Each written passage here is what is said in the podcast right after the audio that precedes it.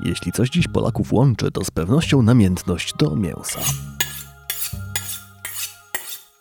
W badaniach naukowców z SGGW z 2017 roku tę samą słabość do niego deklarowali respondenci z różnym wykształceniem, miejscem zamieszkania, zawodem i statusem majątkowym.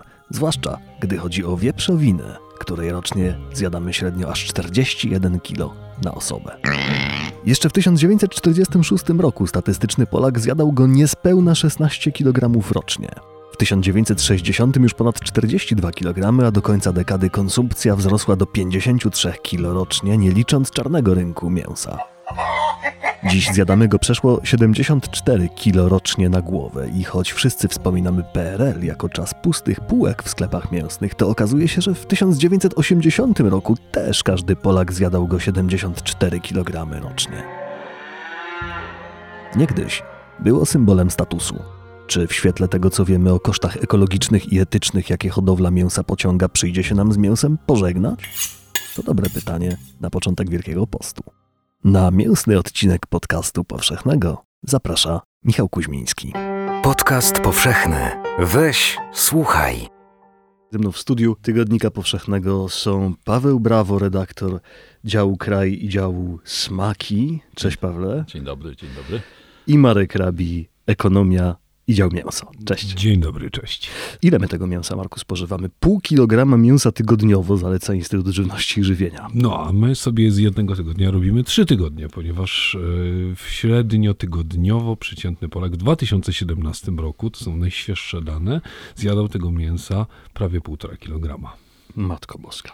No, jest dużo i to jemy go, w, co ciekawe, e, wcale nie w postaci wysoce przetworzonej, ponieważ najczęściej mięso w Polsce kupujemy po prostu jako surowiec, jako mięso, a nie wędliny nawet. I wydawałoby się, że być może jesteśmy tacy spragnieni po PRL-u, że chcemy się odkuć, że chcemy sobie wreszcie wysycić te nie, niewysycone pragnienia z tamtych słusznie minionych lat. W PRL-u mieliśmy do czynienia z czymś... E, co socjologowie nazywali wręcz e, mięsną paniką chwilami, czyli sama świadomość, że mięsa może zabraknąć, przy czym to zabraknąć oznacza bardzo często po prostu trudności z dostaniem mięsa tu i teraz, a nie e, trwałą, trwały problem z dostępem do mięsa, to powodowało, że dochodziło wręcz do niepokojów społecznych. Historycy ze zdumieniem odkryli w dokumentach SB, ślady plotek, za którymi SB w latach 60. E, podążała pieczołowicie i z tych plotek rysował się obraz, jakoby do polskich sklepów trafiła,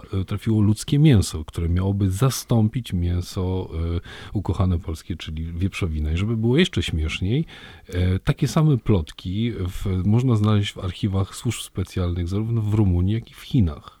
Hm. W, w momencie, kiedy pojawia się gospodarka centralnie sterowana i chwilowe przejściowe trudności, natychmiast pojawiają się, o ironio, te same plotki. Paweł, co, by, co takiego jest w tym mięsie i co takiego jest w nas, że wystarczy perspektywa, że nam go zabraknie, no i mięsożercy truchleją i cierpnie im skóra na plecach? Co, no, znaczy na poziomie mm, takim zupełnie organicznym, znaczy to jest jakby bardzo jednak diecie naczelnych i, i ludzkości naprawdę od, od, od zawsze bardzo, ba, bardzo ważna część, znaczy źródło białka, znaczy to jedno z takich i to takie, takiego białka, które w dodatku y, z jakiegoś powodu ewidentnie mamy, mamy takie poczucie, że dodaje nam znacznie więcej siły niż, nie wiem, równie, równie wysokobiałkowe potrawy, jak na przykład, nie wiem, fasola, prawda? Znaczy, mm -hmm. jest w tym rodzaj, ja nie umiem powiedzieć, na ile to jest, wiesz, kulturowe, a na ile to jest czysto fizjologiczne, ale na przykład badacze zajmujący się y, próbą stworzenia na potrzeby jakby przyszłych społeczeństw, które nie są w stanie, dlatego że Ziemia nie będzie w stanie unieść jakby produkcji mięsa w takiej ilości, w jakiej jakby, jeśli wzrost jego spożycia który dotyczy teraz bogatych krajów Zachodu, miałby się rozlać też na takie kraje jak Chiny czy, czy Indie, no to po prostu to nie damy rady, więc myśli się, że przyszłością jest na przykład syntetyczne mięso, tak zwane syntetyczne mięso, mhm. czyli albo komórki mięśniowe, ale hodowane in vitro, czyli takie, że właściwie prawdziwe mięso, ale które nigdy nie było częścią zwierzęcia, więc jest etyczne, albo generalnie takie włókna jakby zamienne. Otóż tak naprawdę to, to, czego tam brakowało i świętym gralem teraz y, tego całego biznesu jest odtworzenie smaku krwi, czyli sztucznej hemoglobiny hemoglobiny, której można, bo wydaje się, że na dzięki temu będzie można, nasączając taką sztuczną hemoglobiną, dowolną, że tak powiem, tak powiem włóknistą substancję, uczynić ją takim zamiennikiem mięsa. I otóż ja myślę, że ten rodzaj jednak poczucia właśnie takiego, że że zjadamy coś, co, co, było, co było ciałem, co było krwią, co było, w czym było życie po prostu, mm -hmm jest gdzieś na głęboko, niezależnie od, jakby od naszej przemiany materii, od tradycji i tak dalej, no jest czymś takim, co, przed, czym nawet nasze najbardziej racjonalne części jakby naszej osobowości, nasza racjonalna kultura po prostu ustępuje i nagle to jest tak, że potrzebujemy, potrzebujemy zjadać to życie, tak? Znaczy, znaczy właśnie stąd, to, tak mi się wydawało, kiedyś o tym pisałem właśnie, znaczy, że ta cała mhm. historia z tą sztuczną hemoglobiną i z, tym, z tą krwią, która, pseudokrwią, która spowoduje, że wreszcie te zamienniki będą smakować tak, że poczujemy się zaspokojeni, szczęśliwi, że to jest to, znaczy to, to, to na, na, to wskazuje, że szukamy, szukamy życia. Przy takim postawieniu sprawy to brzmi to dość makabrycznie, prawda? Tak, tak, tak. No jakby to zjadamy, tak, znaczy myślę, że musimy zjadać życie. To, to jest tak, jak wspomniałeś o tych plotkach, y, znaczy to są śmieszne te struktury, znaczy to naruszanie tabu, czyli na przykład mięsa ludzkiego, no to, to jest tak, że, że tak samo jak z mordami rytualnymi różnymi, no to wiesz, to, to jest tak, że zabijanie dzieci po to, żeby wytoczyć im krew, no to nie jest tylko pomysł, y, nie wiem, nowożytnych antysemitów. W starożytnym Rzymie też już się o to, zresztą na przykład oskarżało chrześcijan. Tak, kiedyś tak oczywiście. Tak, I jakby wobec tego znowu ten, znaczy to powracanie, to, znaczy to, to przekraczanie tabu jest jakby oczywiste i, i, i za każdym razem wraca, ale przecież też jest tak, że w, ta, tam, gdzie naprawdę zjadano czasami ciała ludzkie w różnych kulturach, zjadano nie, nie z powodu tego, że były szczególnie tłuste i bardzo pożywne, tylko też jakby częścią tego było przyswojenie sobie na przykład siły, znaczy przejęcie, znaczy za, zawsze jest tak, że spożycie kawałka czyjegoś ciała, jakiejś istoty żywej, oprócz tego, że zaspokaja głód i sprawia przyjemność smakową, ma w sobie gdzieś w tle no, jakiś rodzaj takiego właśnie przejęcia tego, tej energii, tej witalności od kogoś. A to jest coś niesamowitego, dlatego że mówimy tu o absolutnie ultra pierwotnym myśleniu, myśleniu magicznym tak. i coś rzeczywiście jest na rzeczy, bo i zadałem pytanie w ostatnim numerze tygodnika doktora Aleksandrze Krupie-Ławrynowicz, antropolożce kulturowej z Uniwersytetu Łódzkiego o właśnie to, czym te struktury myślenia pierwotnego się nam jakoś do dzisiaj utrzymują. No i okazuje się, że jeżeli na przykład popatrzymy na to, co mówią faceci, nie? że prawdziwy facet bez mięsa nie przeżyje, mhm. że, że żeby być silnym trzeba jeść mięso, no to właśnie mówimy tutaj o dokładnie przejmowaniu siły, energii witalnej zwierzęcia. No dobrze, no to teraz co dalej z tym mięsem? Marku, ty pisałeś o tym, że mięso dzisiaj przestaje być symbolem statusu, a staje się tanią alternatywą dla jedzenia. Dokładnie tak się dzieje, bo mięso przez stulecia było właśnie tym symbolem statusu. Właściwie w każdej kulturze, w każdej kuchni mięso na stole oznacza, e, jest symbolem powodzenia. Mhm. I, I, sytości. To nie, nie, nie wzięło się przy, przez przypadek, że e, mięso nadal uchodzi za ten najbardziej energetyczny posiłek, mimo że, tak jak właśnie Paweł wspomniał, są produkty pochodzenia roślinnego, które ten bilans energetyczny mogą nam zapewnić e, dokładnie na takim samym poziomie. Do mięsa jest przypisany określony status, określone samopoczucie wręcz, tej sytości, wręcz przejedzenia, takiej, takiej wręcz niezdrowej błogości, mhm. E, bachicznej niemalże Natomiast w tej chwili mięso y, w większości krajów uprzemysłowionych produkowane jest przecież na olbrzymią skalę metodami przemysłowymi, które nie mają nic wspólnego z z tym pierwotnym smakiem mięsa. Proszę zwrócić uwagę, że my w tej chwili już e, bardzo często rozmawiając o smaku potraw, czy nawet smaku wędlin, e, próbujemy odwoływać się do jakichś wspomnień z dzieciństwa, e, w których pojawiają się tamtejsze wędliny, które pachniały, smakowały inaczej. To mhm. nie jest wyłącznie kwestia procesu produkcyjnego, technologii, to jest również kwestia e, surowca, który wchodzi na wejściu. Mm. Dlatego, że e, wieprzowina, podstawowe mięso, które spożywane jest w Polsce, nie ma w tej chwili genetycznie nic wspólnego z tą wieprzowiną, która trafiała na polskie stoły jeszcze w latach 70. i 80. To są w tej chwili krzyżówki, w ten sposób opracowywane przez, przez genetyków, żeby dawały jak najwięcej mięsa, jak najmniej tłuszczu, a tłuszcz jest właśnie nośnikiem smaku. W związku z tym to mięso, które w tej chwili jemy na przemysłową, y, produkowane przemysłowo i sprzedawane również w gigantycznych ilościach, przeciętny Polak, tak jak wspomnieliśmy, rocznie zjada go w tej chwili około 75 kg. To jest może nie najwyższy też nie najlepszy wynik, bo Amerykanie potrafią zjeść go 120 kg rocznie. Ale Amerykanie wszystko potrafią. Więc właśnie. Ale właśnie oni też, oni jako pierwsi wprowadzili metody przemysłowej produkcji mięsa. głównie drobiu, który świetnie się nadaje do, tych, do tego wiele lepiej niż wołowina. I oni jako pierwsi wpadli na pomysł, że to mięso może być masowym produktem, nie właśnie tym, tym szczytem, czubkiem piramidy żywnościowej, ale jego podstawą e, i może, może być tanie, może być masowe, może być łatwo przetwarzane również w szybkiej kuchni typu fast food. To wszystko w tej chwili mamy i to wszystko pojawia się w dyskontach, pojawia się w supermarketach, pojawia się w restauracjach tak zwanego zbiorowego żywienia czy w fast foodach i to wszystko oznacza, że mięso w tej chwili już powoli, śmiem twierdzić, staje się symbolem statusu ale arebu, czyli tego, hmm. że ktoś nie jest po prostu w stanie sobie skonstruować kuchni menu opartej na bardziej zbilansowanym zestawie produktów, po prostu na to mięso jest skazane, ano dlatego, że jest tanie i łatwo dostępne. Tak, ono jest paradoksalnie, znaczy znacznie częściej łatwiej, łatwiej dostać byle jakie mięso niż, niż czasami porządne warzywa zwłaszcza w krajach takich znaczy północnego klimatu, gdzie, gdzie musimy liczyć na dość skomplikowany łańcuch dostaw przez, przez wiele miesięcy w roku, bo albo na przykład na, na, na sensowne sposoby przechowywania, bo to też jest, znaczy jakby wokół w ogóle całego tego, ca, ca, całego tego jakby kultury jedzenia, zwłaszcza w zimnych miesiącach, bo to, to, to jest istotne, bo my cały czas jakby jesteśmy tak, że mamy też takie odruchy mieszkańców jakby zimnych klimatów, którzy, mhm. którzy mają, mają zakodowane w sposób bardzo głębokim, kulturowy, to, że na, na kilka miesięcy trzeba naprawdę się mocno naładować energią. Co już idzie, je, idzie jesień, chce steka. Co jest, jak oczywiście już teraz kompletnie nie przystaje do realiów, bo po pierwsze nie tylko, że klimat nam się ociepla, ale nawet gdyby się nie ocieplał, to żyjemy w, w ogóle już tam nie grozi zimno, wychłodzenie, jesteśmy w stanie się, się, się ogrzewać i żyć w sposób coraz bardziej komfortowy. Ja myślę, że, że, że te zmiany powoli zaczną zmieniać też styl konsumpcji, bo nie tylko, że, że, że taka masowa produkcja mięsa jest nie do utrzymania na dłuższą, tylko nikt nie wie na, na, jak długą skalę, czy kiedy to wszystko, nie wiem, jakby się, się załamie. Być może załamie się nie tylko z powodu, nie wiem, emisji gazów cieplarnianych i różnych te, takich czynników, ale też na przykład tego, że te wielkie fermy, yy, wielkie jakby tak naprawdę fabryki mięsa, są też bardzo potencjalnie miejscami yy, narażonymi na, na, na epidemię. Znaczy, tam warunki rozwoju drobnoustrojów chorobotwórczych, wirusów i bakterii są, są wręcz wymarzone. Znaczy, stąd dlatego też jakby są tak bardzo silne i restrykcyjne różne normy.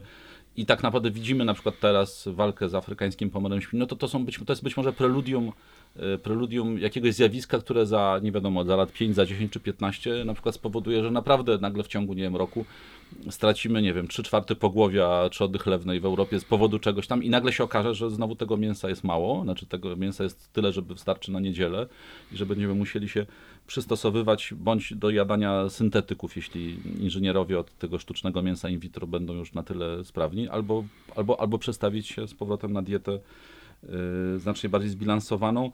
Zwłaszcza, że im cieplej się robi, zwłaszcza w naszych szerokościach geograficznych, no, tym, tym bardziej jakby, co, jakby jest tak, że możemy przechodzić w stronę, y, w stronę tego, co nam się wydaje taką rzeczą zdrową i taką czasami pożądaną, jak na przykład dieta śródziemnomorska. Mhm o której zresztą warto powiedzieć, że ona jest tak naprawdę, nam się wydaje czymś bardzo takim eleganckim, takim bardzo właśnie pozytywnym, podczas kiedy to była dieta po prostu biedaków z kamienistych wysp na Morzu Śródziemnym, gdzie tak naprawdę bardzo z trudem udawało się hodować, y, hodować owce i niewiele.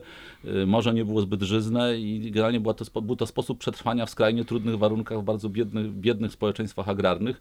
Ludzi, którzy krótko mówiąc na pewno by marzyli z wielką przyjemnością by żarli mięso, a nie oliwki, prawda, chudy owczy serek i trochę warzywek, to nie, nie robili mm. tego bynajmniej z, jakby z, z takiego świadomego wyboru. Nam się teraz wydaje, że to, to jest ideał zdrowia. No nic, ale będziemy musieli prawdopodobnie w tę stronę iść. Jak mówię, choćby z tego powodu, powodów ekonomicznych, zdrowotnych, tego, że jak mówię, że, że ten cały system produkcji przemysłowej mięsa w którymś momencie może się, jak mówię, no załamać choćby z tego powodu, że nagle w końcu się trafi taki wirus, który, którego już naprawdę nie będziemy w stanie żadnymi bioasekuracjami tak naprawdę powstrzymać. No i jeszcze populacja przecież ziemian, która rośnie w zastraszającym tempie. Gdzieś tam wyczytałem, nie dam głowy za te dane, że wydatek w postaci warzyw czy też paszy potrzebny do wyhodowania kilograma czystej wołowiny to jest około chyba 3 czy 4 ton. Tam jest rzeczywiście olbrzymia, olbrzymi stopień To jest konwersji. wręcz chyba dwa, dwa rzędy I wielkości. gigantycznej gdzieś tam ilości wody. Tak, tak. y, y, również y, tutaj zużywamy. Ja też z drugiej strony pamiętam takie badania, które, które ukazały się w jednym z bardziej szanowanych czasopism, pokazujących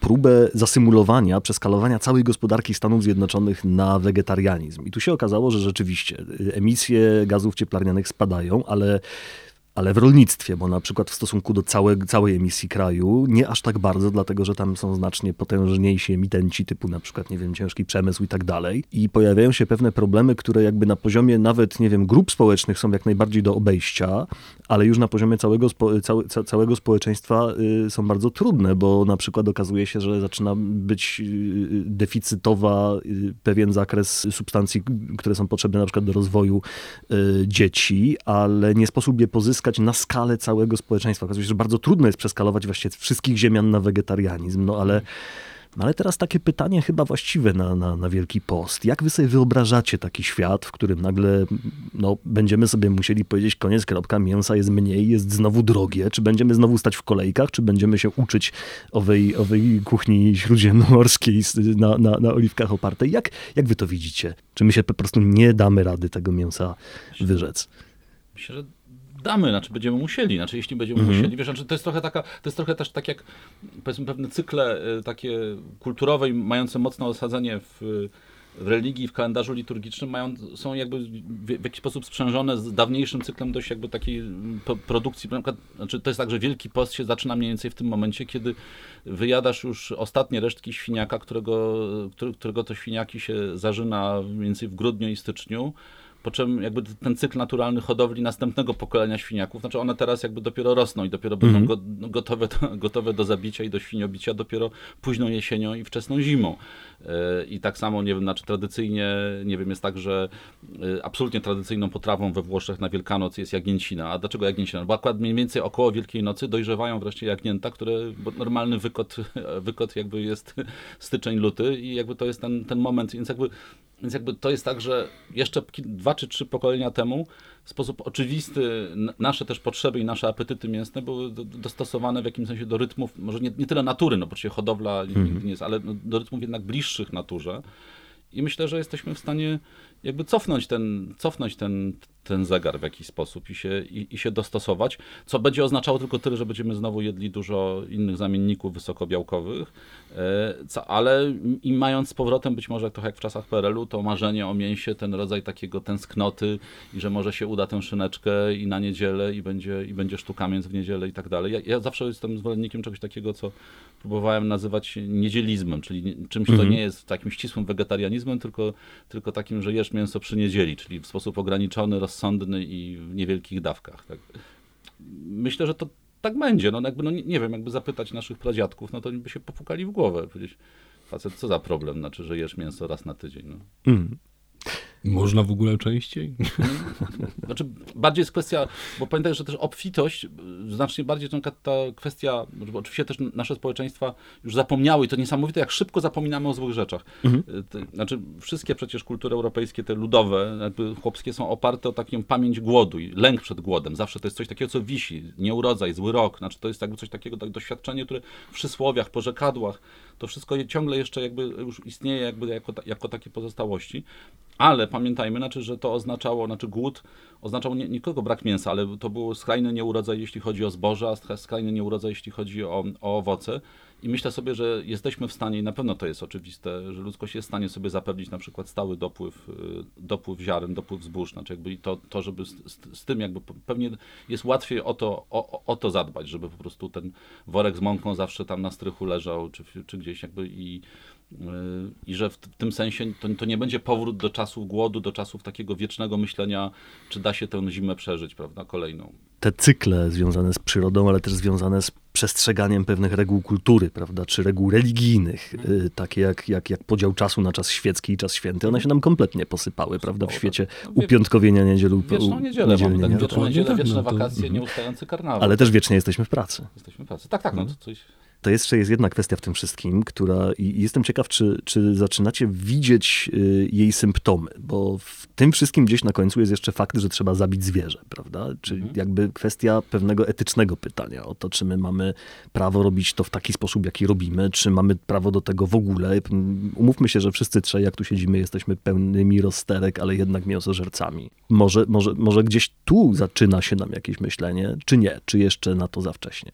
Ja myślę, że to się na pewno dzieje. Na, na, na, jestem wręcz pewien, że w bardzo wąskim wycinku polskiego społeczeństwa są zresztą badania robione całkiem niedawno przez Szkołę Główną Gospodarstwa Wiejskiego, które, pokazuje, że, które pokazują, że tych wegetarian świadomych i w ogóle osób, które usiłują z powodów czysto ideologicznych ograniczyć konsumpcję mięsa, jest coraz więcej, ale to wciąż jest grupa no, na granicy błędu statystycznego.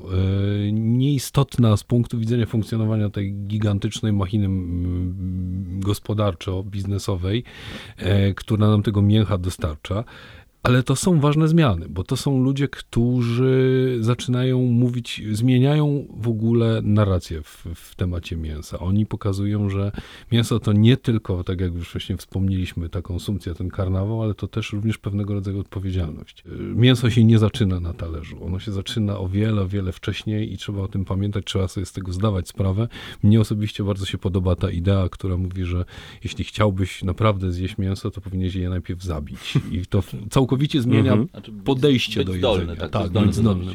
Oczywiście nigdy w życiu bym żadnego Ale- zwierzęcia nie zabił, więc pewnie też nie, nie byłbym w stanie tego mięsa jeść w ten sposób. A ja właśnie czasami sobie zadaję to pytanie, czy byłbym w stanie i pomyślałem sobie, że to jest źle zadane pytanie, bo ja w ogóle nie jestem w stanie, nie byłbym w stanie tak na, na dzień dobry z marszu wykonać mnóstwa czynności gospodarskich. Mam takich y, bliskich przyjaciół, którzy prowadzą dużą hodowlę owiec, y, głównie mlecznych, ale no nie tylko. I mam takie poczucie, że prawdopodobnie gdybym ktoś, gdybym kiedyś musiał się nauczyć, znaczy jak, jak zabić zwierzę w sposób jakby sensowny, humanitarny, znaczy, ale taki skuteczny, znaczy jakby ten, to pewnie bym do nich poszedł.